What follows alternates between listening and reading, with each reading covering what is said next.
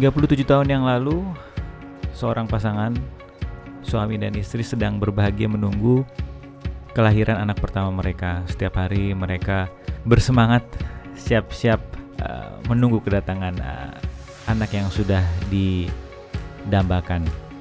Sehingga suatu saat ketika saatnya kelahiran anak tersebut dalam waktu yang cukup lama, dokter memanggil sang suami dokter menjelaskan bahwa kondisi dari plasenta dari si istri melilit anak, tubuh si anak, sehingga menyebabkan pendarahan yang cukup banyak sehingga si suami harus mengambil keputusan antara memilih anak atau memilih si ibu.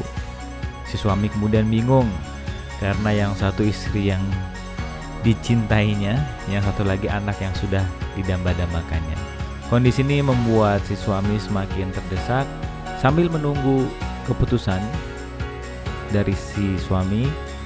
Para dokter dan suster terus mengusahakan agar semuanya berjalan dengan lancar sampai akhirnya keajaiban datang. Si suami mendapat info dari dokter kalau plasenta dari istri sudah lepas dari tubuh si bayi sehingga dua-duanya bisa selamat.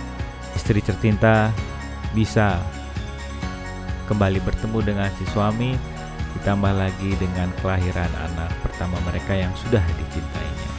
Dengan kejadian itu saya anak yang sempat merepotkan ibu saya tadi kami berdua alhamdulillah selamat sampai sekarang.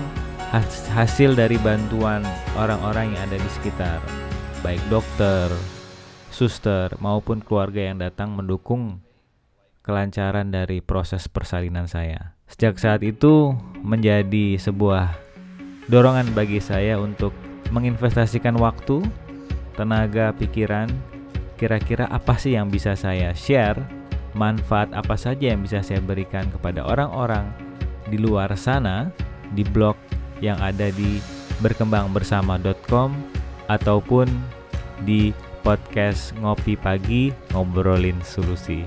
Itu adalah why saya, apa alasan saya membuat podcast ini. Dan saya jadi penasaran seberapa semangat Anda untuk tetap hadir dan menikmati podcast ini sampai akhir.